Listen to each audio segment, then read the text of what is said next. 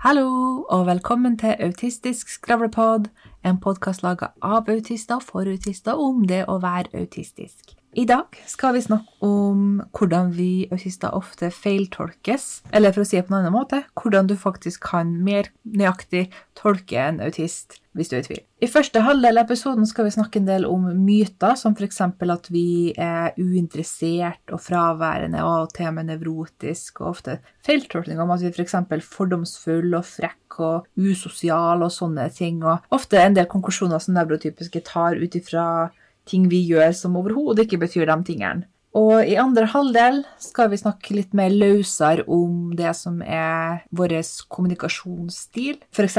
tendensen til å snakke om oss sjøl og ikke spørre om andre, og unnskyld bestemt atferd, men fortsett med den atferden. Eller at vi kanskje reagerer rart i nevrotypiske sine øyne. Og vår tendens til å holde såkalte monologer. Hva betyr egentlig alle de tingene her? Betyr det egentlig det som nevrotypiske tror at det betyr. Før vi kommer i gang, så vil jeg bare komme med forbehold at det vi snakker om i dag, uh, overhodet ikke er universelt, men det er absolutt relevant til å være autistisk, fordi det er noe basert på delte erfaringer hos autister, basert på både mine og dine og bekjentes erfaringer. For min del så ser jeg det at en del av de her punktene er ting som jeg kanskje ikke har fått direkte, men når jeg har kjent folk en stund, og så kommer ut av skapet som autist, så sier de det at ja, men du kan jo ikke være autist, for du har jo, du gjør jo ikke. Ja.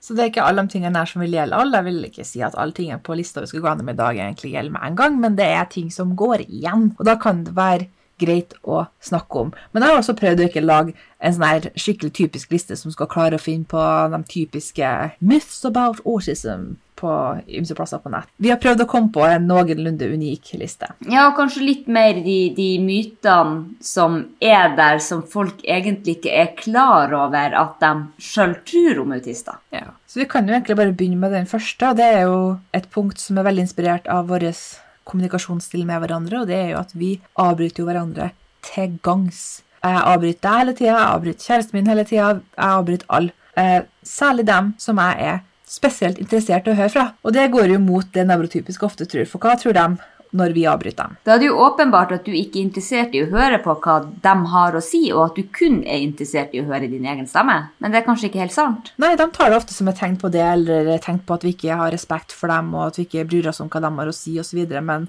jeg vil at du, hvis du er en nevrotypisk lytter der ute i verden, vit at når en autist avbryter, så er det sannsynligvis fordi at vi er veldig, veldig interessert i samtalen vi har. Og når du har sagt noe som har gjort at vi har kommet på noe å si, så blir vi veldig engasjert og bare bryter ut med det. Også fordi vi har litt vansker med å vite når det er vår tur, så det er jo en del av det her. Men veldig ofte når jeg avbryter noen, så er det fordi at det de, den andre parten akkurat sa, faktisk var veldig veldig interessant. Og det er jo fryktelig synd at den personen skal tro at det er av motsatt grunn. Ja, og hvis du er autist og har nevrotypiske i livet ditt, så, og det har vi jo vi kommer jo på en måte ikke unna det. Så, men de som er nærmest, så kan det kanskje være en idé hvis det høver seg sånn. Og en gang si at 'unnskyld at jeg avbrøt deg', det er bare for at jeg er så interessert i det vi prater om. Ja, enkelt og greit. Jeg opplever ofte at når nevrotypiske får en forklaring på hvorfor vi kommuniserer sånn som vi gjør, så i hvert fall har mine nærmeste vært litt flinkere å, å godta det fordi at de skjønner det. Ja, Det er nok litt blanda reaksjoner om folk faktisk tror det, eller om de fortsatt velger å gå etter de sosiale normene og reglene som de har blitt lært opp til. men er det folk som det er verdt å ha på, så opplever jeg at de tar den. Videre så er det jo det her med øyekontakt. da. Vi kan sikkert vie en egen episode til øyekontakt, men jeg tenkte jeg skulle gå over det fort og gæli nå. For det er jo så mange nevrotypiske som tror det, at når vi ikke viser øyekontakt, igjen, at vi ikke er interessert, at vi ikke hører etter. Men jeg kan i hvert fall si for min del at når jeg ikke viser øyekontakt, så er det jo fordi at jeg ikke hører med øynene. Jeg fokuserer på det som sies. Og da er det mye enklere å høre uten å samtidig ta inn den personen visuelt også. Ja, og for min del så må jeg jo rett og slett si det at jeg hører at de sier at det er viktig med den øyekontakten, men jeg, vet du, jeg skjønner ikke greia. For som du sier, det er, jo ikke, det er jo ikke øynene jeg hører etter meg. Men det er jo ikke sånn at vi ikke har fått med oss at øyekontakt er viktig for nevrotypiske. Det, det har vi vel blitt fortalt en og annen gang igjen. Men for de aller fleste autister så er øyekontakt ganske problematisk. Det er jo ikke det at vi ikke har fått med oss at det er viktig og meningsfullt og osv. osv. Det er bare det at altså det vi har gått gjennom nå, er at det kan jo være veldig distraherende når vi prøver å høre hva noen sier.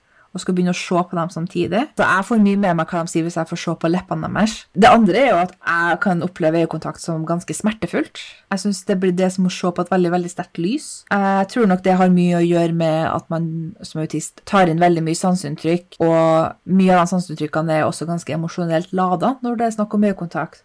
Klart det blir veldig voldsomt for eh, folk som oss. Så jeg tror nok litt av det at det er smertefullt, har noe med det å gjøre også. Ja, altså, jeg reagerer jo litt på det her at den her øyekontakten er så vanvittig viktig for dem. For jeg maskerer ganske godt, og det har jo selvfølgelig både sine fordeler og sine ulemper. Men jeg har hatt folk i livet mitt som jeg har kjent i 15-20 år, som ikke aner at jeg aldri har hatt øyekontakt med dem. Så jeg syns det er litt fascinerende når den er så viktig at de allikevel ikke, ikke oppdager det når jeg ser på øyenbrynene deres. Ja, jeg bruker å tøyse om det. Jeg har veldig, veldig, veldig god øyenbrynskontakt. Ja. Det verste av alt er det at jeg oppdaga ikke sjøl at jeg ikke hadde øyekontakt før jeg var over 30 år. Jeg trodde det var det jeg hadde, helt til jeg plutselig fikk øyekontakt med noen og var litt sånn oh, holy crap. Ja, jeg tror jeg hadde den opplevelsen også når jeg var typ 17 år, kanskje, og innså at jeg hadde nok ikke den type øyekontakt som andre mennesker har. Og jeg har nok innsett sjøl at for min del, og igjen, det her trenger ikke å gjelde alle autister, men for min del så er nok hovedgrunnen til at jeg ikke liker å ha øyekontakt med hvem som helst, er at for meg så er det en veldig intim ting å gjøre. Jeg trodde at jeg ikke likte øyekontakt rent universelt, men så innså jeg at jeg har faktisk øyekontakt med noen, f.eks. kjæresten min, og også eksen min da vi var kjærester. Jeg kan finne på øyekontakt med kanskje ekstremt nære venner i noen tilfeller. Vi har vel hatt øyekontakt en sjelden gang. Jeg klarer faktisk veldig fint å ha øyekontakt med dyr. Man bruker jo ofte å si at man ikke skal ha øyekontakt med hunder, at de ser på det som en trussel, men jeg og hunder klarer å ha veldig god øyekontakt som er veldig beroligende og, og, og fint. Så jeg vet ikke hva det kommer av, men jeg, for meg blir øyekontakt altfor intimt til å gjøre med hvem som helst, og skulle ha det med folk på arbeidsplassen og folk på butikken og sånne ting. Det, for meg blir det som å skal at det er sosialt forventa å kline med fremmede som en måte å si hei på. Det blir veldig rart å skulle gjøre det med all slags folk. Er det noe du kjenner igjen i? Ja, altså for å si det sånn, så tror jeg altså, Jeg kjenner meg veldig igjen i det at det er veldig intimt. Og når du sier at det er litt som å på en måte forvente at man skal kline med fremmede, så må man jo vel ærlig innrømme at jeg tror jeg har klina med mer fremmede de 15 siste årene enn hva jeg har hatt øyekontakt med fremmede. For øyekontakt er på en måte noe som er forbeholdt de som er aller nærmest. Jeg har kanskje en tre-fire mennesker jeg har, jeg har øyekontakt med, og de fleste av dem er øyekontakt i forbifarta. Det er på en måte noe annet det enn hva å se rett inn i øynene til noen mens du prater i lengden. Det er vel omtrent bare sønnen min jeg har det med. De andre jeg vet jeg har hatt det med utenom, utenom sønnen min, det er, det er de to samboerne og nære partnerne jeg har hatt i løpet av livet. Og med det så kan vi jo snakke om den autistiske tendensen til å være veldig direkte i kommunikasjonen vår, og at det ikke betyr at vi nødvendigvis er frekk. Nå skal ikke jeg påstå at det ikke finnes en eneste frekk autist i verden. Jo da, det finnes mange autister som er regelrett drittsekker. Men det å være direkte er ikke synonymt med å være frekk. Og veldig ofte så sier jo folk at de syns du er så herlig direkte. Men det er jo bare helt til du sier noe direkte som ikke var nøyaktig det de ønska å høre. Ja, og jeg skulle nok bare ønske at folk forsto hvorfor er det sånn at autister foretrekker direkte kommunikasjon.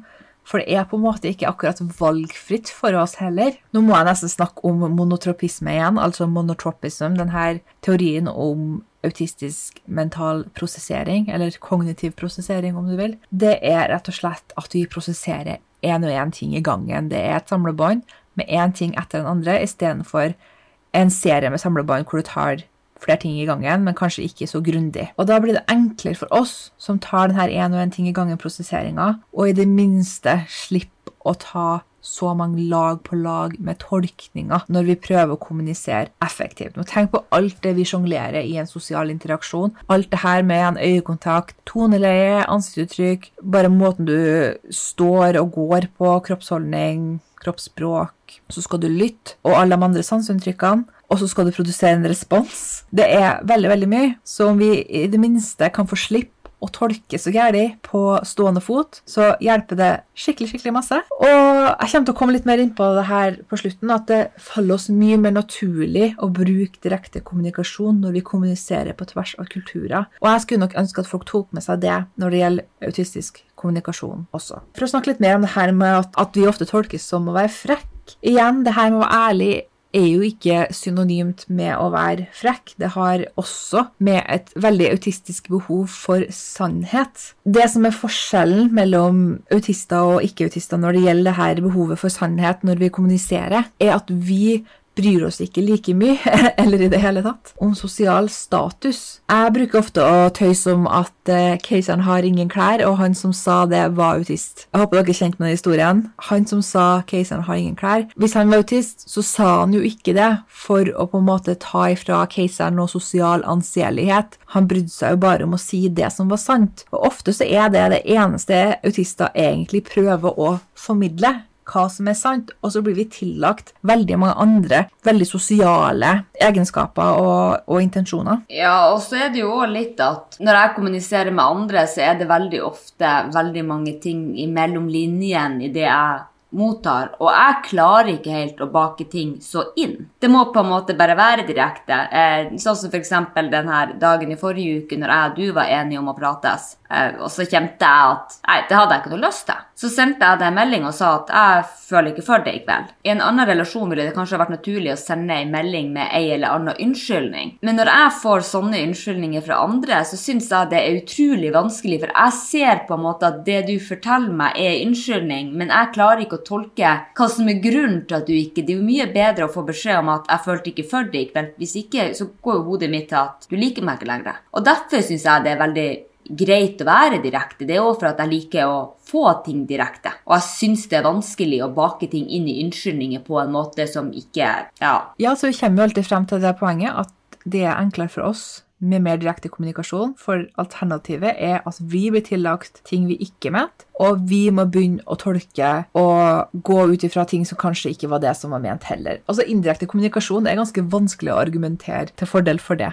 når du tenker over det. Jeg vil også bare putte inn det poenget at det her er ikke, det her er ikke bare enveis. Det er ikke bare vi som ikke skjønner indirekte kommunikasjon. Det er også de andre, for å si det sånn, som ikke skjønner direkte kommunikasjon. Så det her er ja. Det, det, det, er en, det er en krasj. Det er ikke vi som er ubrukelige. Vi er jevnt over autistiske og nevrotypiske. Vi er ja, jeg skal si vi er jevnt over like ubrukelige å forstå hverandre, for vi har jo tross alt lært oss å forstå dem til en viss grad. Men du, du skjønner hvor jeg vil. ja, men det er jo double empathy problem.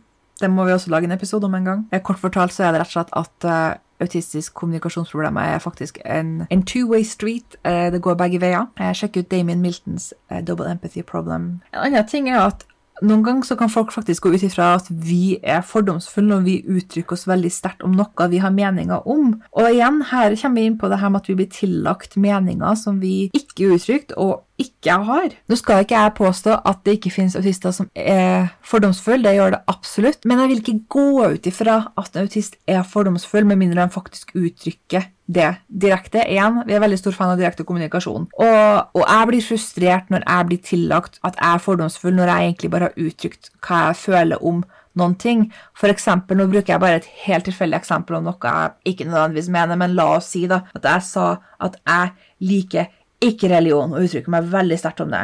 Veldig fort så går nevrotypiske ut ifra at da har jeg sagt og mener at jeg ikke liker religiøse personer. Igjen, det er en forskjell på å ikke like en ting og ikke like folk, men nevrotypiske har ofte en tendens til å ta en sosial vri på alt og tror at vi igjen prøver å si og handle sosialt når vi uttrykker oss om ting. En annen myte er jo at autister er så fjerne og fraværende og bare står der og er liksom som en sånn matt ingenting. Da tenker jeg det er veldig viktig å presisere at selv om narsist kanskje ikke viser så veldig mye mimikk og indirekte kommunikasjon som en nevrotypisk person ikke greier å tolke, så betyr ikke det at autisten ikke forstår når noen snakker til en, og f.eks.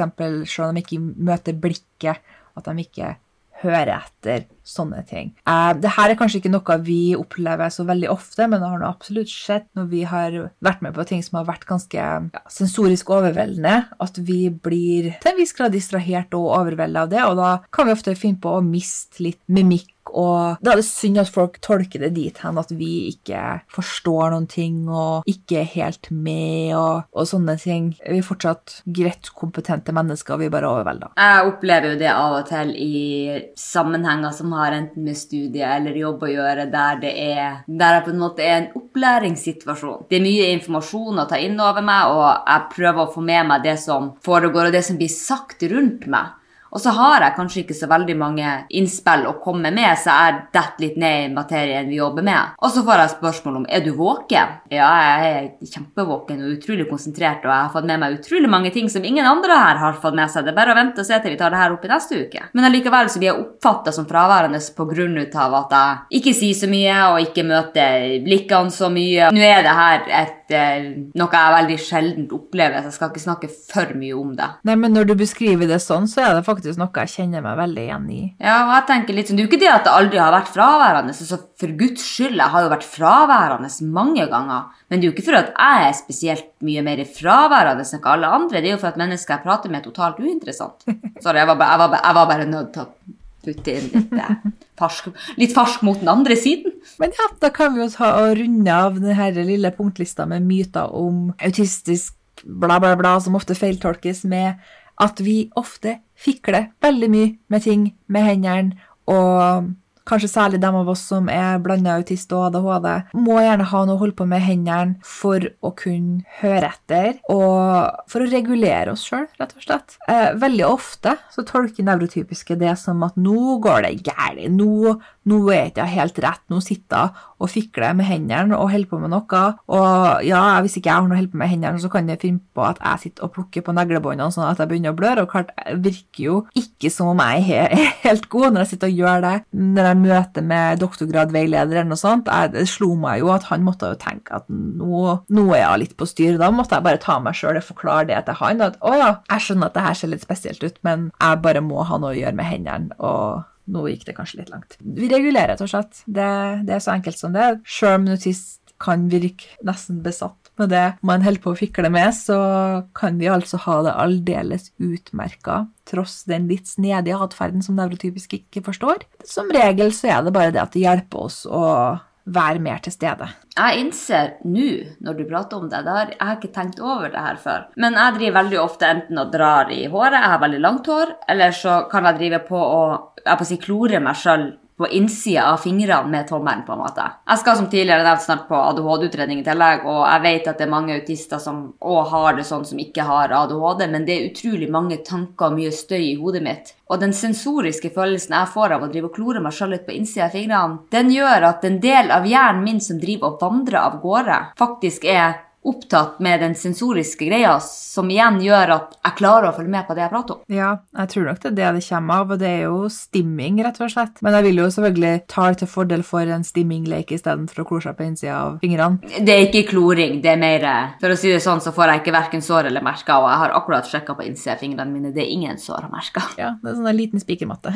Ja. Men da kan vi gå over til del to, hvor vi skal være litt mindre strukturert, holdt jeg på å si, og snakke litt mer om autistisk kommunikasjonsstil. Igjen vil presisere at det her er ikke sikkert at det er kjempeuniverselt, men det er gjengangere som Jeg snakker veldig mye med autistiske venner, og vi opplever ofte at vi kommuniserer på den måten her. Det fungerer aldeles utmerka oss imellom, men nevrotypiske forstår det ofte ikke og tolker det ofte feil. Det første punktet jeg har som er veldig typisk, er at vi ofte relaterer ting tilbake til oss sjøl når noen forteller om noe de går gjennom. F.eks.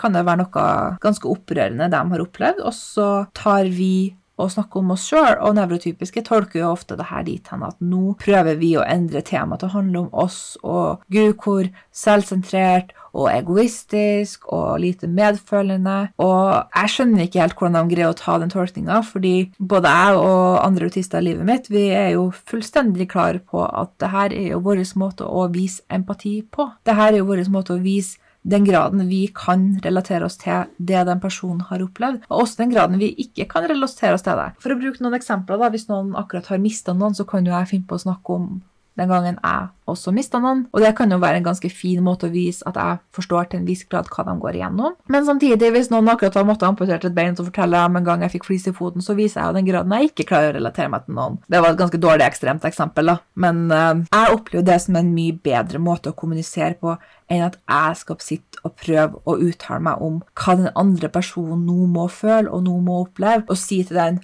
å, nå tenker jeg at du sikkert føler deg Det blir så famlende. Og så Jeg tror egentlig ikke så veldig hjelpsomt. Nei, og så tror jeg jo det at ofte så blir det jo kommunisert med ikke-verbal kommunikasjon. Det er ikke det at du sier at 'nå regner jeg med du føler deg sånn', eller 'nå bør du føle deg sånn'. Det er mer det at du sier ja og ha og hmm, på de rette plassene, og på en måte bare vise at du er der og lytter. Men det å vise at du er der og lytter uten å respondere verbalt, er jo mye vanskeligere når vi ikke bruker kroppsspråk og mimikk på samme måte som andre gjør, og kanskje ikke helt forstår de tingene. Ja, og jeg opplever også at når jeg tar den her ganske sånn automatiske strategien som jeg og mange autister har, da, om å dele om, om meg sjøl når noen har opplevd noe lignende, er at jeg faktisk skaper en slags en slags trygg ramme for dem til å dele hva de faktisk nå går igjennom. At nå har jeg delt om meg, og da er det litt, ja, litt tryggere for dem å nå faktisk åpne om hva som akkurat har skjedd med dem. Og jeg klarer ikke helt å tro på at nevrotypiske ikke forstår den. Nei, og så ser man jo òg det når man kommuniserer med andre som kommuniserer på samme måten, enten det er autist eller ikke, så er det jo flere som kommuniserer litt sånn. Så opplever jeg det at Spesielt når det er folk som kanskje ikke er så nær, men bekjent eller en kollega. eller Hvis man er flere som kommuniserer på denne måten, så blir man, man blir jo kjent. Ja, og det er jo egentlig en fin segway til punkt nummer to, og det er jo autistens tendens til å ofte snakke om seg sjøl. Jeg tar meg sjøl ofte i det at når jeg på stående fot må komme på noe å snakke om, og jeg blir veldig stressa og kommer kanskje ikke helt på at jeg kan jo bare spørre om noe, så er det iallfall én ting jeg kan masse om, og det er meg sjøl. Og det kan jeg snakke masse om, så det gjør det jo så mye enklere å holde samtalen i gang. Men igjen så er jo det en måte hvor jeg og veldig mange andre autister skaper en relasjon på. For nå blir du litt mer kjent med meg fordi jeg har fortalt noe om meg sjøl. Så igjen å skape en trygg ramme til å faktisk dele noe om seg sjøl. Og jeg opplever i hvert fall det som mye enklere enn å skulle prøve å komme på hva jeg skal spørre den andre personen om. Og det er egentlig punkt tre her. At vi ofte ikke gjør det, og ikke tar den her med å på en måte svare med et oppfølgingsspørsmål. Og det er litt sånn typisk nevrotypisk kommunikasjon og ønske at noen skal spørre dem om noe. Så da velger de å spørre den andre personen om den tingen, sånn at de da blir spurt tilbake og så får lov til å snakke om det. Jeg syns det er en veldig tungvint måte å kommunisere på, men det syns de er veldig greit. Men for min del så syns jeg det blir utrolig vanskelig å skulle kommunisere på den måten at jeg må vite hva jeg skal spørre den andre personen om, og at jeg huske på å spørre dem om det. For jeg vet ikke hvor ofte jeg har hatt besøk av venner, og det har kanskje vært veldig lenge siden jeg har sett dem igjen, og så drar de hjem, og så innser jeg at jeg har ikke spurt dem om den tingen som jeg skulle gjerne visst og er veldig interessert i hvordan det går med dem i det bestemte området i livet deres. Og de har sittet og venta på at jeg skulle spørre om det, istedenfor at de bare forteller. Ja, og det ser jeg ofte på de samtalene vi har hatt på telefonen, at ofte når vi har jo flirt litt av det òg, at det er nesten så det er ikke er en samtale, men to parallelle. Men når jeg prater om meg og mitt liv og min jobb, og du prater om deg og kjæresten, og sånn som vi har hatt, ting har skjedd på hver vår kant, så prater jeg om mitt, og du prater om ditt. Men vi, vi lytter jo, og vi hører jo, og vi responderer jo òg. Ja, og det er så mye enklere å gjøre det på den måten. For igjen, jeg vet ikke alltid hva som er akseptabelt å spørre om, og jeg vet ikke alltid om hva som er for privat å spørre om. For eksempel det virker jo naturlig kanskje å spørre om å, hvordan går det med deg på jobben, og så kanskje du driver og naver og ikke syns det er noe særlig artig å snakke om, og kanskje skulle ønske heller at jeg snakka med deg om en flørt du har på gang, men så kanskje andre som syns at det er altfor privat igjen. Ja, og jeg hadde jo litt i forbindelse med jeg sa hva spør man om? Han var For ikke så lenge siden så ble jeg sittende og prate med et menneske som fortalte at hun hadde vært innlagt på sykehuset, og hun fortalte litt om den opplevelsen av å ikke klare å ta vare på seg sjøl. Hvilke oppfølgingsspørsmål kan man stille? Det er ikke greit å spørre hva du var innlagt på sykehuset for. Du kan ikke spørre hva følte du da? Så da ble jo reaksjonen min å gjøre det jeg gjør, og Jeg sa rett ut at jeg klarer ikke å relatere, jeg har aldri vært inne på sykehus, bortsett fra i forbindelse med fødsel. Og da, hun responderte veldig greit da, sa heldig er du, og så fortalte hun på en måte enda mer. Ja, og det er jo det som er egentlig den åpenbare løsninga her. Bare fortell om det du vil fortelle oss om. Du trenger ikke å sitte og vente på tillatelse. Er det noe du har lyst til å dele om, så bare del. Så kan vi heller si fra om det er faktisk et tema vi er veldig veldig sensitive til og ikke vil ta. Det er nok mindre sannsynlig det enn at vi sitter og glemmer hva vi faktisk burde ha spurt om. Bare fortell. Du, du har min tillatelse. Et annet punkt vi har på denne lista, da, er jo noe jeg faktisk oppdaga at jeg gjorde fordi jeg leste vel en eller annen plass på sosiale medier at noen uffa akka seg så veldig over når folk gjør den tingen her. Og det er å unnskylde og beklage seg for noe man holder på med å gjøre, men så fortsatte man å gjøre den tingen allikevel. Og da følte jeg meg litt angrepet, fordi veldig ofte så gjør jeg det. Jeg, kanskje jeg driver med noe rent eh, fysisk eller verbalt eller noe sånt, og så sier jeg 'Å, unnskyld, unnskyld at jeg gjør det her, det er sikkert kjempeirriterende, jeg vet ikke helt'. Og og allikevel fortsette, fordi jeg har ikke den fjerneste anelse om det jeg gjør er sosialt innafor eller ikke. Dette var nok mye mer typisk sånn ungdomsskole, videregående, tidligere studieår, hvor jeg fortsatt brydde meg veldig veldig mye om å gjøre ting sosialt korrekt. Jeg var så usikker på om det var riktig. Folk nekta jo plent å kommunisere direkte. De sitter bare og har de dypsukkene for seg sjøl. Og da eneste jeg vet at jeg kan gjøre, er å beklage meg kjempemasse. Men jeg vet ikke helt hvilken del av atferden min som er feil, så jeg fortsetter noe som jeg gjør, og irriterer jo folk bare enda mer. Det her er en ting som jeg ikke kan relatere til i det hele tatt. Jeg på å si jeg vet ikke. Jeg har bare bestandig vært jævla dårlig å be om unnskyldning, sannsynligvis.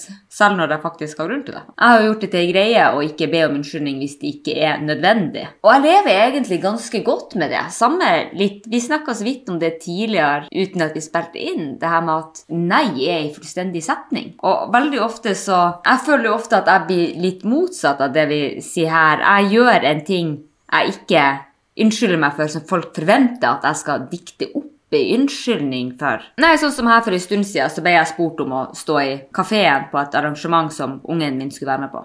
Hvorpå jeg svarte nei.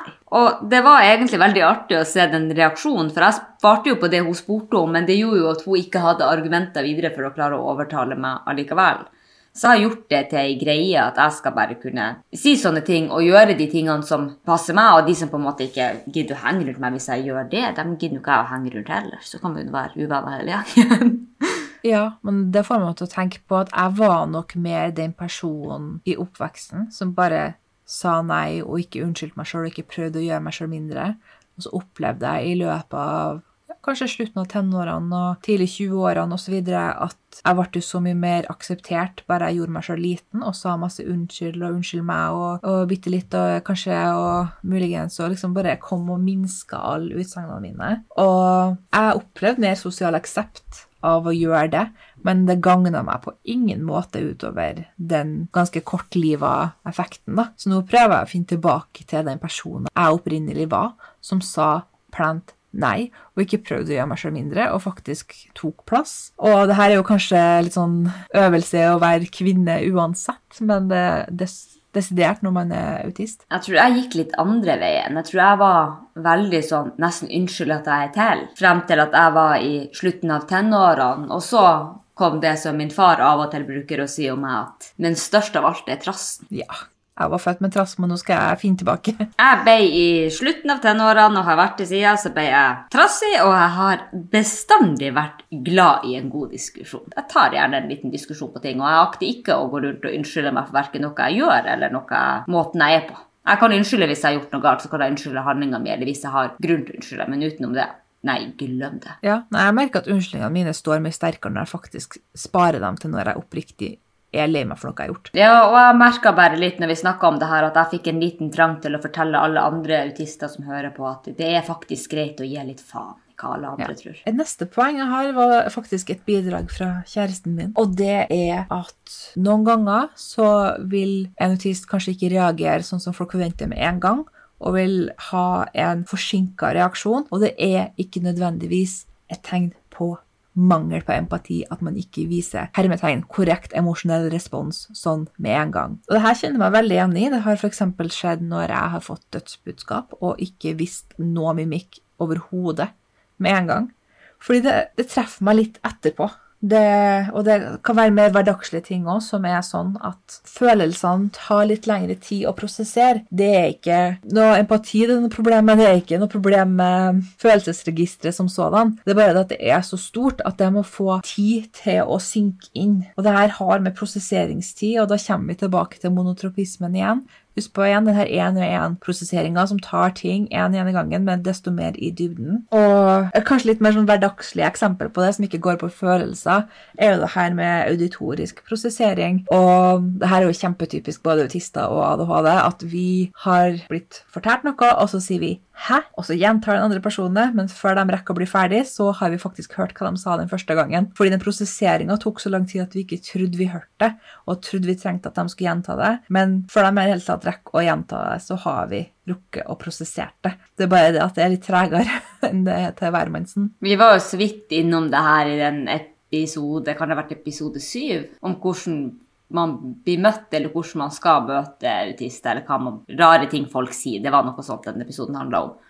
Eh, og da var, vi, da var, vi, så vidt innom det her. Eh, og da ble det jo også sagt det at veldig ofte så er det jo ikke det at man på en måte ikke har empatien. Det er jo det at Da tror jeg det kom opp et eksempel med ei venninne av meg som hadde det vanskelig, og jeg på en måte møtte hun og klarte ikke helt å reagere. Og visste ikke helt, Jeg oppfatta sjøl at jeg ble oppfatta som uempatisk i situasjonen, men når jeg kom hjem, så fikk jeg, jeg fikk jo ikke sove på tre netter, for jeg hadde vondt i magen for jeg visste at hun hadde det fælt. Og da kan du jo på en måte ikke si at den trege reaksjonsevnen der i øyeblikket er lik mangel på empati, for det er den ikke. Ja. Og så husker jeg også at min far brukte å irritere seg for det at hver gang han sa noe til meg, så sa jeg 'hæ' før jeg svarte. Så han brukte å si til meg det at 'kan du prøve å svare uten å si 'hæ' først'? Jeg tror jeg opplevde tilsvarende med mor mi, faktisk. Men ja, til slutt så er det jo det her med den autistiske monologen.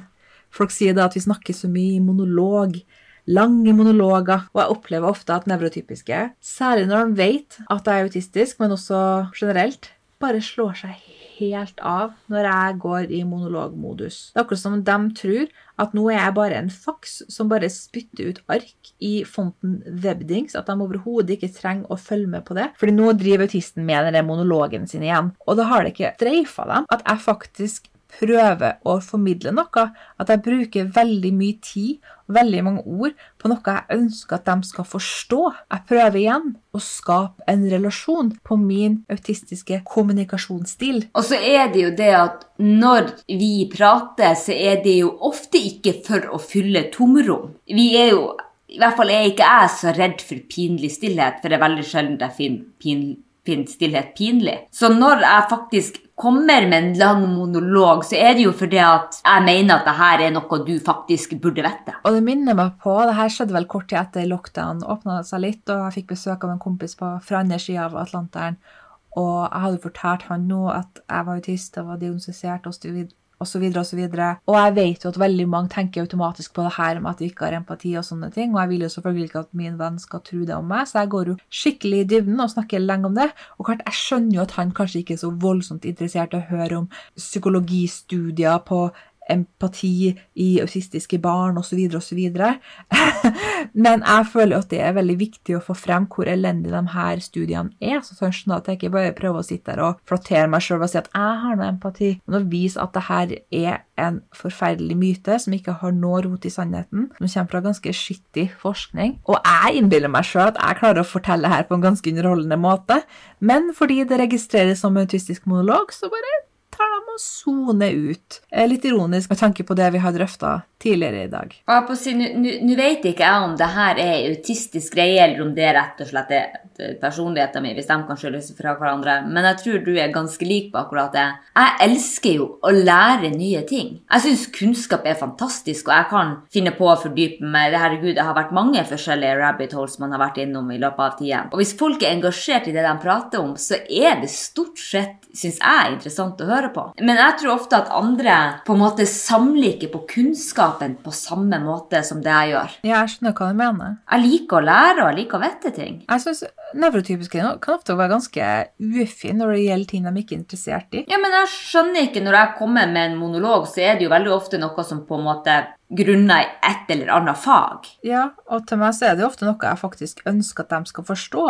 For eksempel om autisme, så er det jo Burde det i hvert fall vært veldig opplagt at jeg vil at de skal forstå noe om meg, deres venn. Der kommer kanskje det, mitt, min del av det dobbelte empatiproblemet frem. For jeg har alvorlige problemer med å forstå at andre folk faktisk kanskje egentlig ikke er interessert i å lære nye ting. Kanskje de egentlig har mest lyst til å diskutere hvordan været blir i morgen, i stedet for å lære noe nytt. Eh, sånn som for eksempel, Nå har vi jo hatt en nyhetssak i Norge som har vært ganske langt fremme, med, med demonstrasjonene mot menneskerettighetsbruddene på Fosen. Og når vi har snakka om det i forskjellige sammenhenger, så har, de, så har folk kunnet sagt ting sånn som at jeg er enig eller jeg er uenig med samene. Altså, de, de har ikke noe mer bakgrunn for det. Hvorpå jeg har kommet med en lang monolog om de juridiske problemene her, og hvorfor det er et menneskerettighetsbrudd, og hvorfor vi har det her vernet av urbefolkninga, og mye ut av bakgrunnsinformasjon her. Men det blir jo ofte bare avfeid, og jeg tror at nevrotypiske bare kanskje ikke nødvendigvis er så interessert i å ha all den kunnskapen bak. De er ofte mer glad i den over, det jeg kaller overfladisk pjatt. Ja. De liker småprat. Utrolig nok. Men ja. Det da er kan- fascinerende. Jeg velger å konkludere med at de tar feil. Hvis de får lov til å gjøre det til oss, så får jeg lov til å gjøre det til dem. Forskjellen når de gjør det mot oss, og når vi gjør det mot dem, det er jo det at vi har begrunna hvorfor vi gjør det, og det er en god grunn til at vi mener at de tar feil. De sier bare at dere tar feil, for det har vi bestemt.